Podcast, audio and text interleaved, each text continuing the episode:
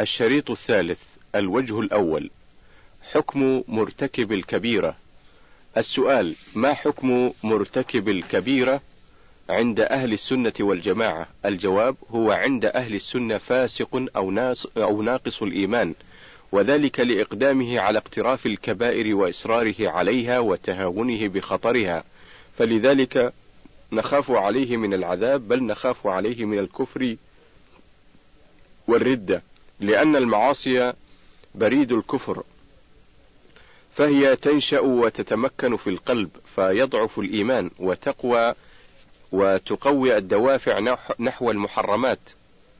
وتقوى الدوافع نحو المحرمات من زنا ومسكر وغناء وكبرياء واعتداء على المسلمين بقتل أو سلب أو نهو أو نهب أو سرقة أو قذف ونحو ذلك فهذه الذنوب مع الاستمرار تضعف سير القلب والجوارح نحو الطاعات فتثقل الصلوات والصدقات وسائر العبادات ولا شك أن ذلك منذر بخروج عن الدين ولعل ذلك هو السر في إطلاق الكفر في الأحاديث على بعض الكبائر أو نفي الإيمان عن أهلها كقوله صلى الله عليه وسلم سباب المسلم فسق وقتاله كفر الهامش رواه مسلم في الإيمان رقم 48 ورواه مسلم في الإيمان أيضا رقم 64 انتهى الهامش وقوله صلى الله عليه وسلم لا يزني الزاني حين, يز حين يزني وهو مؤمن إلى آخره الهامش رواه البخاري في الحدود رقم 6772 ومسلم في الإيمان رقم 57 انتهى الهامش فنحن نقول إنه ناقص الإيمان أو مؤمن بتصديقه بالله واليوم الآخر والكتب والرسل لكنه فاسق باقتراف الذنوب وتهاونه بها وقد آه، تشدد الخوارج فكفروا بالذنوب وأخرجه المعتزلة من الإيمان ولم يدخلوه في الكفر لكنه عندهم مخلد في النار وأما المرجئة فجعلوه كامل الإيمان وقالوا لا يضر مع الإيمان ذنب كما لا ينفع كما لا ينفع مع الكفر عمل وتوسط أهل السنة فجعلوه فاسقا وقالوا هو في الآخرة تحت المشيئة فإن أدخل النار بسبب كبيرته فلا بد أن يخرج منها بعد التمحيص بشفاعة الشافعين أو برحمة أرحم الراحمين الهامش فتاوى في التوحيد لفضيلة الشيخ بن جبرين إعداد الحريقي في الصفحتين الخامسة عشرة والسادسة عشرة انتهى الهامش السؤال قال تعالى الزانية والزاني فاجلدوا كل واحدة منهما مئة جلدة سورة النور الآية الثانية وقال تعالى والذين يرمون المحصنات ثم لم يأتوا بأربعة شهداء فاجلدوهم ثمانين جلدة سورة التوبة الآية الرابعة وقال تعالى والسارق والسارقة فاقطعوا أيديهما جزاء بما كسب نكالا من الله والله عزيز حكيم سورة المائدة الآية الثامنة والثلاثون فهؤلاء الذين يرتكبون مثل هذه الكبائر ولا يوجد من يطبق عليهم الأحكام وماتوا وهم غير تائبين فما حكم الله فيهم يوم القيامة الحمد لله وحده والصلاة والسلام على رسوله وصحبه وبعد الجواب عقيدة أهل السنة والجماعة أن من مات من المسلمين مصرا على كبيرة من كبائر الذنوب كالزنا والقذف والسرقة يكون تحت مشيئة الله سبحانه إن شاء غفر له وإن شاء عذبه على الكبيرة التي مات مصرا عليها ومآله إلى الجنة لقوله سبحانه وتعالى إن الله لا يغفر أن يشرك به ويغفر ما دون ذلك لمن يشاء سورة النساء الآية الثامنة والأربعون والسادسة عشرة بعد المئة وللأحاديث الصحيحة المتواترة الدالة على إخراج عصاة الموحدين من النار وبحديث عبادة ابن الصامت رضي الله عنه كنا عند النبي صلى الله عليه وسلم فقال أتبايعوني على ألا تشركوا بالله شيئا ولا تزنوا ولا تسرقوا وقرأ آية النساء الهامش قال ابن حجر في الفتح في الجزء الثامن في الصفحة رقم 640 أي أنه بيعة النساء وهي يا أيها النبي إذا جاءك المؤمنات يبايعنك على ألا يشركن بالله شيئا. انتهى الهامش. يعني الآية المذكورة وأكثر لفظ سفيان قرأ الآية. فمن فمن وفي منكم فأجره فمن وفى منكم فأجره على الله ومن أصاب في ذلك شيئا فعوقب فهو كفارة له ومن أصاب منها شيئا من ذلك فستره الله فهو إلى الله إن شاء عذبه وإن شاء غفر له. الهامش الحديث رواه البخاري في التفسير رقم 4893 ومن عدة طرق ومنها بغير هذا اللفظ بأرقام 18 و 3892 و 3893 و 6884 و 6801 و 6883 و 7199 و 7213 وسبعة آلاف أربعمائة وثمانية وستين الفتح انتهى الهامش وهذا الكلام انظر فيه أو راجع فيه فتاوى اللجنة الدائمة الصفحة رقم 502 هل الإنسان مخير أم مسير هل الإنسان مخير أم مسير السؤال هل الإنسان مخير أم مسير؟ الجواب نقول الإنسان مسير ومخير وذلك أن الله تعالى قدر عليه ما يقع منه وما يفعله وهو مع ذلك أعطاه قدرة واستطاعة بها يزاول الأعمال ويختار ما يفعله مما يثاب عليه أو يعاقب والله تعالى قادر على أن يرده إلى الهدى ودليل ذلك قوله تعالى ومن يضلل الله فما له من هاد ومن يهد الله فما له من مضل سورة الزمر الآيتان السادسة والثلاثون والسابعة والثلاثون وفي الحديث اعملوا فكل ميسر لما خلق له الهامش رواه البخاري في التفسير رقم 4949 ورواه مسلم في القدر في الجزء السابع تحت رقم 2647 انتهى الهامش وقرأ قوله تعالى: فأما من أعطى واتقى وصدق بالحسنى فسنيسره لليسرى سورة الليل الآيات من الخامسة وحتى السابعة فأثبت له عملا وهو العطاء والتقوى والتصديق وأخبر بأن الله تعالى هو الذي يسره أي أعانه وقواه فلو شاء لأضله وسلط عليه من لا يصرفه عن الحق فهو الذي يهدي من يشاء ويضل من يشاء ومذهب أهل السنة أن ما يقع من المعاصي والمخالفات كلها بإرادة الله تعالى الإرادة الكونية القدرية بمعنى أن الله خلقها وأوجدها مع أنه يكرهها ولا يحب أهلها بل يعاقبهم عليها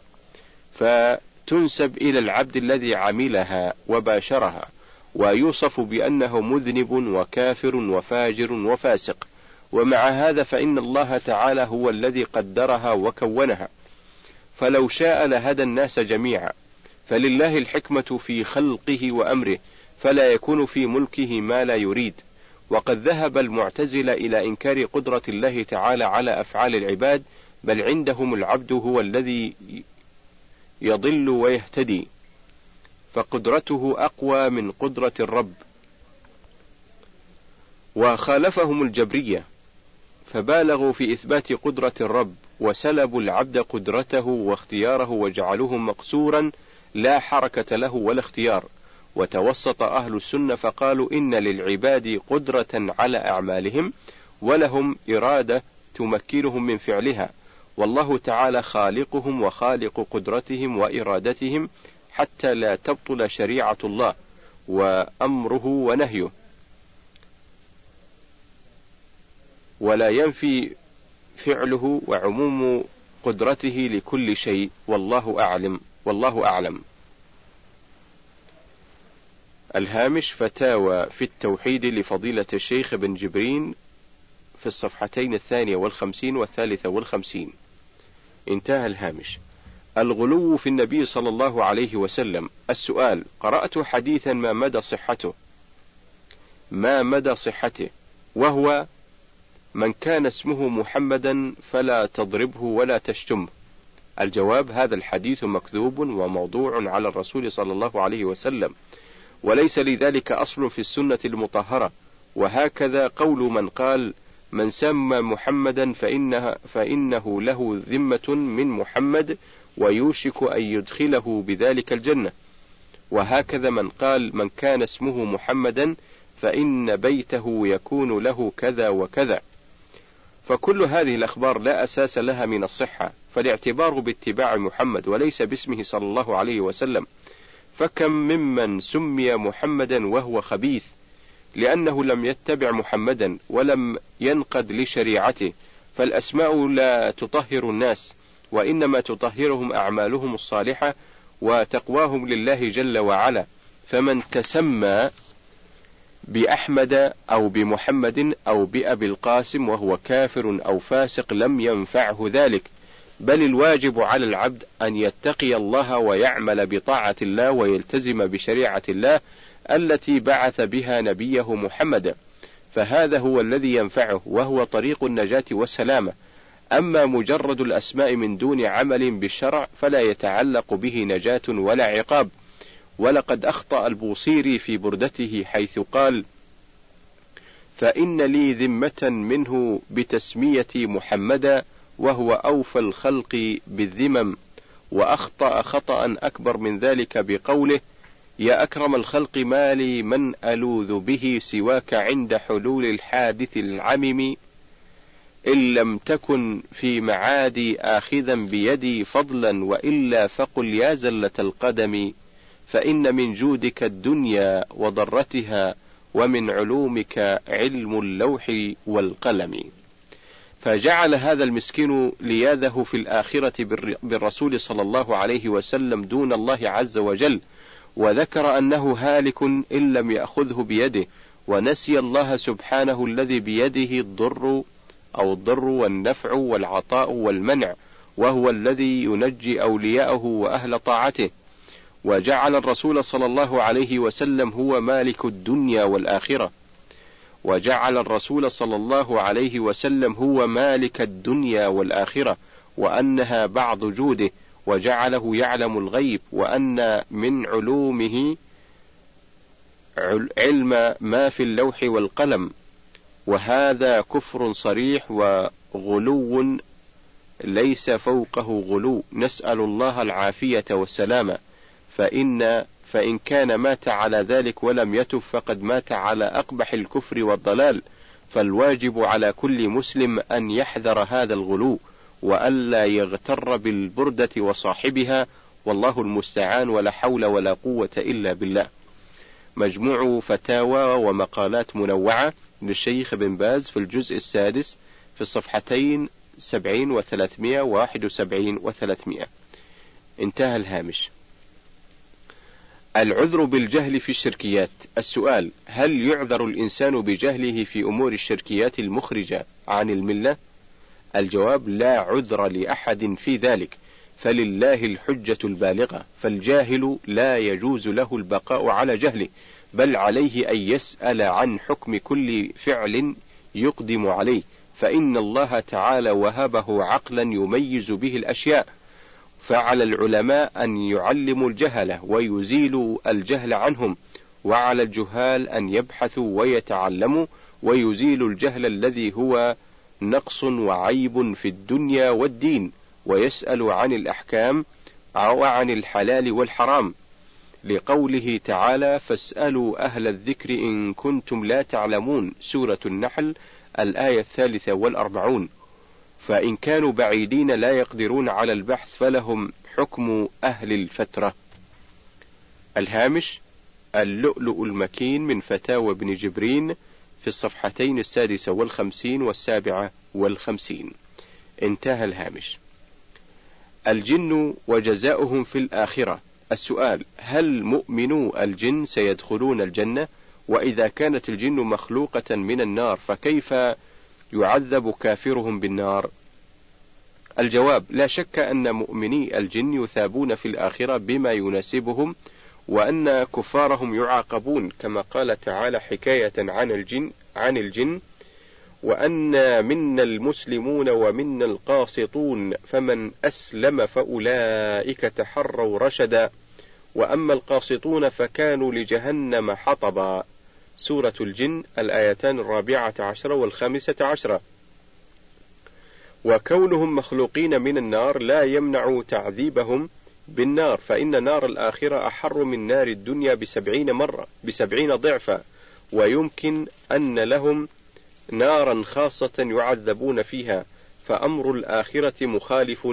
لأمر الدنيا الهامش اللؤلؤ المكين من فتاوى بن جبرين الصفحة التاسعة انتهى الهامش اختطاف الجن للإنس السؤال لقد سمعت قصصا كثيرة عن اختطاف الجن للإنس وقد قرأت قصة مفادها أن رجلا من الأنصار رضي الله عنه خرج يصلي العشاء فسبته الجن وفقد أعواما فهل هذا الأمر ممكن أعني اختطاف الجن للإنس الجواب يمكن ذلك فقد اشتهر أن سعد بن عبيد ابن عبادة فقد اشتهر أن سعد بن عبادة قتله الجن قتلته الجن لما بال في جحر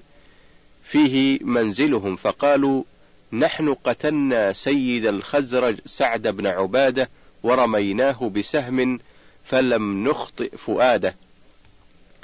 الهامش انظر سير أعلام النبلاء الجزء الأول في الصفحة رقم 277 انتهى الهامش ووقع في زمن عمر أن رجلا اختطفته الجن وبقي أربع سنين ثم جاء وأخبر أن جنا من المشركين اختطفوه فبقي عندهم أسيرا فغزاهم جن فغزاهم جن مسلمون فهزموهم وردوه إلى أهله ذكر ذلك ذكر في ذلك في منار السبيل وغيره والله أعلم الهامش منار السبيل الجزء الثاني الصفحة الثامنة والثمانين وقصة الرجل المخطوف رواها البيهقي في الجزء السابع في الصفحتين بل من الصفحة الرابعة الخامسة والأربعين بعد الأربعمية وإلى الصفحة السادسة والأربعين بعد الأربعمية وصحح إسنادها الألباني في الإرواء في الجزء السادس رقم في الصفحة رقم 150 ورقم الحديث 1709 والهامش أيضا اللؤلؤ المكين من فتاوى الشيخ ابن جبرين في الصفحة الرابعة عشرة انتهى الهامش من الذي يستطيع تحديد نوع الجنين السؤال في عدد العربي رقم 205 في الصفحة الخامسة عشرة في التاريخ شهر آه، ديسمبر عام 75 و900 ألف للميلاد في سؤال وجواب ثبت أن الرجل هو الذي يحدد نوع الجنين فما موقف الدين من هذا وهل يعلم الغيب أحد غير الله الجواب أولا إن الله سبحانه وتعالى هو وحده الذي يصور الحمل في الأرحام كيف يشاء فيجعله ذكرا أو أنثى كاملا أو ناقصا إلى غير ذلك من أحوال الجنين وليس ذلك إلى أحد سوى الله سبحانه قال تعالى هو الذي يصوركم في الأرحام كيف يشاء لا إله إلا هو العزيز الحكيم سورة آل عمران الآية السادسة وقال تعالى لله ملك السماوات والأرض يخلق ما يشاء ويهب لمن يشاء إناثا ويهب لمن يشاء الذكور أو يزوجهم ذكرانا وإناثا ويجعل من يشاء عقيما إنه عليم قدير سورة الشورى الآية الخمسون فأخبر سبحانه أنه وحده الذي له ملك السماوات والأرض وأنه الذي يخلق ما يشاء فيصور الحمل في الأرحام كيف يشاء من ذكور أو أنوثة وعلى أي حال شاء من نقصان أو تمام ومن حسن وجمال أو قبح ودمامة إلى غير ذلك من أحوال الجنين ليس ذلك إلى غيره ولا إلى شريك معه ودعوى أن زواجا ودعوى أن زوجا أو دكتورا أو فيلسوفا يقوى على أن يحدد نوع الجنين دعوى كاذبة وليس إلى الزوج ومن في حكمه أكثر من أن يتحرى بجماعة أن يتحرى بجماعة زمن الإخصاب رجاء الحمل وليس إلى الزوج ومن في حكمه أكثر من أن يتحرى بجماعه زمن الإخصاب رجاء الحمل وقد يتم له ما أراد بتقدير الله وقد يتخلف ما أراد إما النقص إما لنقص في السبب أو لوجود مانع من صديد أو عقم أو ابتلاء من الله لعبده وذلك أن الأسباب لا تؤثر بنفسها وإنما تؤثر بتقدير الله أن أن يرتب عليها مسبباتها والتلقيح أمر كوني ليس إلى المكلف منه أكثر من فعله بإذن الله ليس إلى المكلف منه أكثر من فعله بإذن الله وأما تصريفه وتكييفه وتسخيره وتدبيره بترتيب المسببات المسببات عليه فهو إلى الله وحده لا شريك له ومن تدبر أحوال الناس وأقوالهم تبين له منهم المبالغة تبين له منهم المبالغة في الدعاوى والكذب والافتراء في الأقوال والأفعال جهلا منهم وغلوا في اعتبار العلوم الحديثة وتجاوزا للحد في الاعتداد بالأسباب ومن قدر الأمور قدرها ميز بين ما هو من اختصاص الله منها وما جعله الله إلى المخلوق بتقدير منه لذلك سبحانه. الهامش فتاوى إسلامية لمجموعة من العلماء دار الأرقم الجزء الأول في الصفحتين السابعة والثلاثين والثامنة والثلاثين انتهى الهامش فرق ومذاهب فتاوى شرعية في حكم الانتماء للحركة المأسونية للحركة الماسونية قرار المجمع الفقهي. الحمد لله والصلاة والسلام على رسول الله وعلى آله وأصحابه ومن اهتدى بهداه أما بعد نظرا أو نظر المجمع الفقهي في دورته الأولى المنعقدة بمكة المكرمة في العاشر من شهر شعبان من عام ثمانية وتسعين وثلاثمائة ألف للهجرة الموافق الخامس عشر من الشهر السابع من عام ثمانية وسبعين وتسعمائة ألف للميلاد في قضية الماسونية والمنتسبين إليها وحكم الشريعة الإسلامية في ذلك وقد قام أعضاء المجمع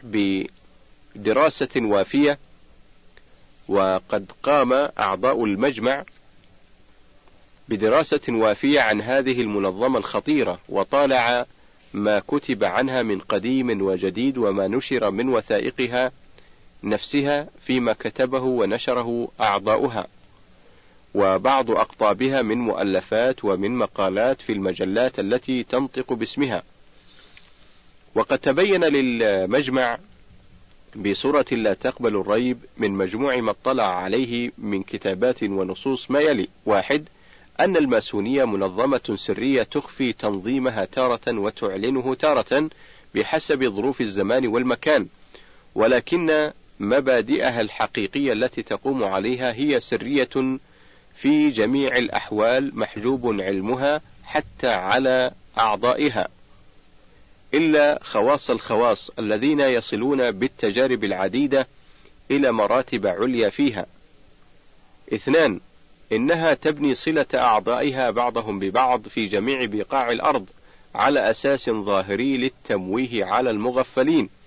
وهي وهو الإخاء الإنساني المزعوم بين جميع الداخلين في تنظيمها دون تمييز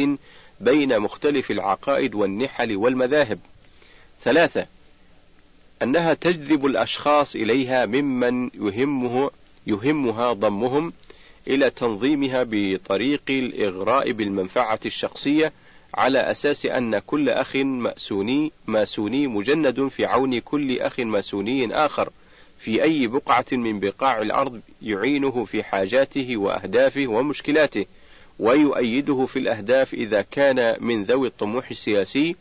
ويعينه إذا وقع في مأزق من المآزق أيا كان على أساس معاونته في الحق والباطل ظالما أو مظلوما،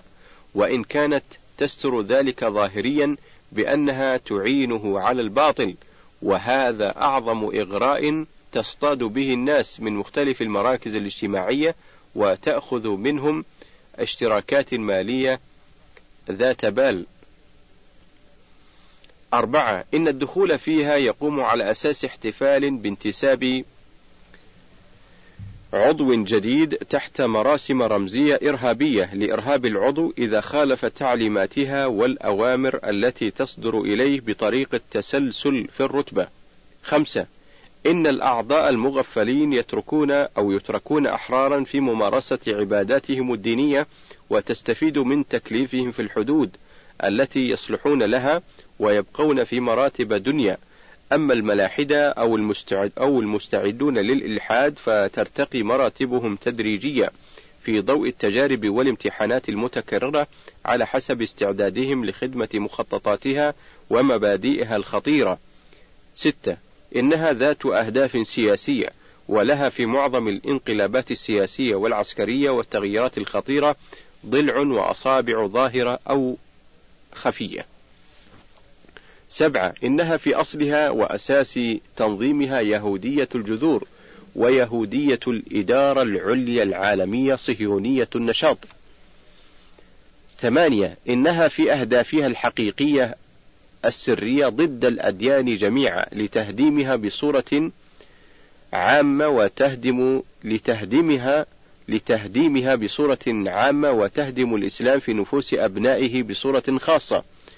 تسعة إنها تحرص على اختيار المنتسبين إليها من ذوي المكانة المالية أو السياسية أو الاجتماعية أو العلمية أو أية مكانة يمكن أن تستغل نفوذا لأصحابها في مجتمعاتهم ولا يهمها انتساب من ليس لهم مكانة يمكن استغلالها ولذلك تحرص كل الحرص على ضم الرؤساء والوزراء وكبار موظفي الدولة ونحوهم عشرة إنها ذات فروع تأخذ أسماء أخرى تمويها وتحويلا للأنظار لكي تستطيع ممارسة نشاطاتها تحت مختلف الأسماء إذا لقيت مقاومة لاسم الماسونية في محيط ما وتلك الفروع المستورة بأسماء مختلفة من أبرزها منظمة الأسود والروتاري واليونز إلى غير ذلك من المبادئ والنشاطات الخبيثة التي تتنافى كليا مع قواعد الإسلام وتناقضه كلية. قد تبين للمجمع بصورة واضحة العلاقة الوثيقة للماسونية باليهودية الصهيونية وبذلك استطاعت أن تسيطر على نشاطات كثير من المسؤولين في البلاد العربية في موضوع قضية فلسطين وتحو وتحول بينهم وبين كثير من واجباتهم في هذه القضية الإسلامية العظمى لمصلحة اليهود والصهيونية العالمية لذلك ولكثير من المعلومات الأخرى التفصيلية عن نشاط الماسونية وخطورتها العظمى وتلبيساتها الخبيثة وأهدافها الماكرة يقرر المجمع الفقهي اعتبار المأسونية من أخطر المنظمات الهدامة على الإسلام والمسلمين وأن من ينتسب إليها على علم بحقيقتها وأهدافها فهو كافر بالإسلام مجانب لأهله والله ولي التوفيق الرئيس عبد الله بن حميد رئيس مجلس القضاء الأعلى في المملكة العربية السعودية رحمه الله نائب الرئيس محمد علي الحركان الأمين العام لرابطة العالم الإسلامي رحمه الله الأعضاء عبد العزيز بن عبد الله بن باز الرئيس العام لإدارة البحوث العلمية والإفتاء والدعوة والإرشاد في المملكة العربية السعودية رحمه الله محمد محمود الصواف رحمه الله. الهامش فتاوى إسلامية لمجموعة من العلماء الجزء الأول من الصفحة الخامسة عشرة بعد بعد المئة وحتى الصفحة السابعة عشرة بعد المئة انتهى الهامش استقدام الأيدي العاملة من غير المسلمين السؤال بعثت أطلب خادمة لإعانة زوجتي في المنزل فأفادوا بالمراسلة أنه لا يوجد مسلمة في البلد الذي أريد الخادمة منه فهل يجوز أن أستخدم خادمة غير مسلمة؟ الجواب لا يجوز استخدام خادمة غير مسلمة ولا خادم غير مسلم ولا سائق غير مسلم ولا عامل غير مسلم إلى الجزيرة العربية لأن النبي صلى الله عليه وسلم أمر بإخراج اليهود والنصارى منها وأمر ألا يبقى فيها إلا مسلم وأوصى عند وفاته عليه الصلاة والسلام بإخراج جميع المشركين من هذه الجزيرة ولأن في استخدام الكفر من الرجال والنساء خطرا على المسلمين في عقائدهم وأخلاقهم وتربية أولادهم فوجب منع ذلك طاعة لله سبحانه ولرسوله صلى الله عليه وسلم وحسما لمادة الشرك والفساد والله ولي التوفيق الهامش كتاب الدعوة الصفحة الثانية بعد المئتين ابن باز انتهى الهامش سؤال يقول الرسول صلى الله عليه وسلم لا يجتمع في جزيرة العرب دينان لكننا نجد في معظم بلدان الجزيرة العربية وجودا كثيفا للعمالة غير الإسلامية وصل بها الأمر إلى حد بناء دور عبادة لها سواء النصارى أم الهندوس أم السيخ آه، ما الموقف الواجب على حكومات هذه البلدان اتخاذه حيال هذه الظاهرة المؤلمة ذات الخطر الداهم الهامش مجموع الفتاوى الجزء الثالث الصفحتان الخامسة والثمانون بعد المئتين والسادسة والثمانون بعد المئتين ابن باز انتهى الهامش الجواب لقد صح أن الرسول صلى الله عليه وسلم قال لا يجتمع في الجزيرة دينان الهامش مالك في الموطأ في الجزء الثاني في الصفحتين الثاني والتسعين بعد الثمانمية والثالثة والتسعين بعد الثمانمية مرسلة ومعناه صحيح ثابت في الصحيحين من طرق أخرى انتهى الهامش وصح عنه أيضا أنه أمر بإخراج اليهود والنصارى من الجزيرة وأمر ألا يبقى فيها إلا مسلم وأوصى عند موته عليه السلام بإخراج المشركين من الجزيرة فهذا أمر ثابت عن رسول الله صلى الله عليه وسلم وليس فيه شك والواجب على الحكام أن ينفذوا هذه الوصية كما نفذها خليفة المسلمين عمر رضي الله عنه بإخراج اليهود من خيبر وإجلائهم فعل الحكام في السعودية وفي الخليج وفي جميع أجزاء الجزيرة عليهم جميعا أن يجتهدوا كثيرا في إخراج النصارى والبوذيين والوثنيين والهندوس وغيرهم من الكفرة وألا يستقدموا إلا المسلمين هذا هو الواجب وهو, وهو مبين بيانا جليا في قواعد الشرع الحنيف فالمقصود والواجب إخراج الكفار من الجزيرة وألا يستعمل فيها إلا المسلمين من بلاد الله ثم إن عليها ثم إن عليهم أيضا أن يختاروا من المسلمين فالمسلمون فيهم من هو مسلم بالادعاء لا بالحقيقة وعنده من الشر ما عنده فيجب على من يحتاج إلى المسلمين يستأجرهم أن يسأل أهل المعرفة حتى لا يستقدم إلا المسلمين الطيبين المعروفين بالمحافظة على الصلاة والاستقامة أما الكفار فلا يستخدمهم أبدا إلا عند الضرورة الشرعية أي التي يقدرها ولاة الأمر وفق شرع, الله شرع الإسلام وحده السؤال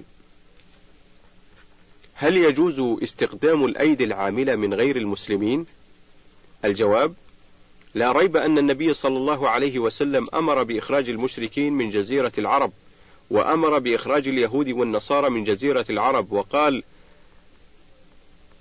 لأخرجن اليهود والنصارى من جزيرة العرب حتى لا أدع إلا مسلما الهامش رواه مسلم في الجهاد رقم 1767 من حديث عمر انتهى الهامش وهذه الأحاديث تدل على أن هدي النبي صلى الله عليه وسلم أن تبقى جزيرة العرب ليس فيها إلا مسلم لما في وجود النصارى وغيرهم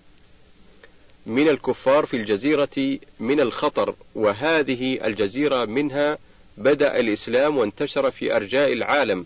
وإليها يعود كما ثبت في الصحيح من أن الإيمان يأرز إلى المدينة كما تأرز الحية إلى جحرها وإذا كان كذلك فإن استقدام غير المسلمين إلى هذه الجزيرة فيه خطر عظيم ولو لم يكن من خطره ومضرته إلا, إلا أن المستقدم لهم يألفهم ويركن إليهم وربما يقع في قلبه محبة لهم وتودد, له وتودد لهم وقد قال الله تعالى لا تجد قوما يؤمنون بالله واليوم الآخر يوادون من حاد الله ورسوله ولو كانوا آباءهم أو أبناءهم أو إخوانهم أو عشيرتهم أولئك كتب في قلوبهم في قلوبهم الإيمان وأيدهم بروح منه سورة المجادلة الآية الثانية والعشرون وربما يشتبه عليه الحق بالباطل فيظن أنهم إخوة لنا يطلق عليهم إخوة ويدعي بما يوحي به الشيطان أنهم إخوة لنا في الإنسانية وهذا ليس بصحيح فإن الأخوة الإيمانية هي الأخوة الحقيقية ومع اختلاف الدين لا أخوة حتى أن الله عز وجل لما قال نوح رب إن ابني من أهلي وإن وعدك الحق وأنت أحكم الحاكمين سورة هود الآية الخامسة والأربعون قال يا نوح إنه ليس من أهلك سورة هود الآية السادسة والأربعون وقد قطع النبي صلى الله عليه وسلم الصلة بين المؤمنين والكافرين حتى في الميراث بعد الموت فقال لا يرث المسلم الكافر ولا الكافر المسلم الهامش رواه البخاري في المغازي رقم 4283 ورواه مسلم في الفرائض رقم 1614 انتهى الهامش وإذا كان الأمر هكذا فإن الاحتكاك بغير المسلمين واستقدامهم ومشاركتهم في الأعمال وفي الأكل والشرب والذهاب والمجيء كل هذا ربما يميت الغيرة في قلوب المسلمين حتى يألفوا من قال الله تعالى فيهم يا أيها الذين آمنوا لا تتخذوا عدوي وعدوكم أولياء تلقون إليهم بالمودة وقد كفروا بما جاءكم من الحق سورة الممتحنة الآية الأولى الهامش فتاوى أو فتوى للشيخ محمد بن صالح العثيمين وعليها توقيعه انتهى الهامش السفر خارج الدولة الإسلامية أو السفر خارج الدول الإسلامية السؤال كثير من الناس ابتلي بالأسفار خارج الدول الإسلامية التي لا تبالي بارتكاب المعصية فيها ولا سيما أولئك الذين يسافرون من أجل ما يسمونه شهر العسل أرجو من سماحة الشيخ أن يتفضل بنصيحة إلى أبنائه وإخوانه المسلمين وإلى ولاة الأمر كي كيما ينتبهوا إلى هذا الموضوع. الجواب: الحمد لله والصلاة والسلام على رسول الله وعلى آله وأصحابه ومن اهتدى بهداه. أما بعد، فلا ريب أن السفر إلى بلاد الكفر فيه خطر عظيم ليس فقط في وقت الزواج وما يسمى بشهر العسل وفي غيره من الأوقات. فالواجب على المؤمن أن يتقي الله ويحذر أسباب الخطر، فالسفر إلى بلاد المشركين وإلى البلاد التي فيها الحرية وعدم إنكار المنكر فيه خطر عظيم على دينه وأخلاقه، وعلى دين زوجته أيضا إذا كانت معه، فالواجب على جميع شبابنا وعلى جميع إخواننا ترك هذا السفر وصرف النظر عنه والبقاء في بلادهم وقت الزواج وفي غيره، لعل الله جل وعلا يكفيهم شر نزغات الشيطان أما السفر إلى تلك البلاد التي فيها الكفر والضلال والحرية وانتشار الفساد من الزنا وشرب الخمر وأنواع الكفر والضلال ففيه خطر عظيم على الرجل والمرأة وكم من صالح سافر ورجع فاسدا وكم من مسلم رجع كافرا فخطر هذا السفر عظيم وقد قال النبي صلى الله عليه وسلم أنا بريء من كل مسلم يقيم بين المشركين الهامش رواه أبو داود في الجهاد رقم 2645 والترمذي في السير رقم 1604 والنسائي في القسامة الجزء الثامن رقم 36 انتهى الهامش وقال صلى الله عليه وسلم لا يقبل الله من مشرك عملا بعدما أسلم أو يفارق المشركين الهامش رواه النسائي في الزكاة في الجزء الخامس رقم 83 وابن ماجه في الحدود رقم 2536 ورواه أحمد في الجزء الخامس في الصفحة الرابعة والخامسة انتهى الهامش والمعنى حتى يفارق المشركين فالواجب الحذر من السفر إلى بلادهم لا في شهر العسل ولا في غيره وقد صرح أهل العلم بالنهي عن ذلك والتحذير منه اللهم إلا رجل عنده علم وبصيرة فيذهب إلى هناك للدعوة إلى الله وإخراج الناس من الظلمات إلى النور وشرح محاسن الإسلام لهم وتعليم المسلمين هناك أحكام دينهم مع تبصيرهم وتوجيههم إلى أنواع الخير، فهذا وأمثاله يرجى له الأجر الكبير والخير العظيم،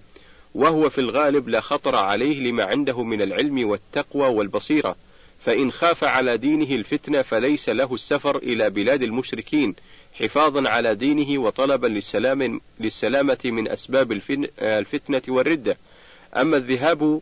من أجل الشهوات وقضاء الأوطار الدنيوية في بلاد الكفر في أوروبا أو غيرها فهذا لا يجوز لما فيه من الخطر الكبير والعواقب الوخيمة والمخالفة للأحاديث الصحيحة التي أسلفنا بعضها. نسأل الله السلامة والعافية، وهكذا السفر إلى بلاد الشرك من أجل السياحة أو التجارة أو زيارة بعض الناس أو ما أشبه ذلك فكله لا يجوز لما فيه من الخطر العظيم والمخالفة لسنة الرسول صلى الله عليه وسلم الناهية عن ذلك، فنصيحتي لكل مسلم هو الحذر من السفر إلى بلاد الكفر وإلى كل بلاد فيها الحرية الظاهرة والفساد الظاهر وعدم إنكار المنكر، وأن يبقى في بلاده التي فيها السلامة وفيها قلة المنكرات فإنه خير له وأسلم وأحفظ لدينه والله الموفق والهادي إلى سواء السبيل. السفر إلى بلاد الكفار السؤال ما حكم السفر إلى بلاد الكفار وحكم وحكم وما حكم السفر للسياحة الجواب السفر إلى بلاد الكفار لا يجوز إلا بثلاثة شروط الشرط الأول أن يكون عند الإنسان علم يدفع به الشبهات الثاني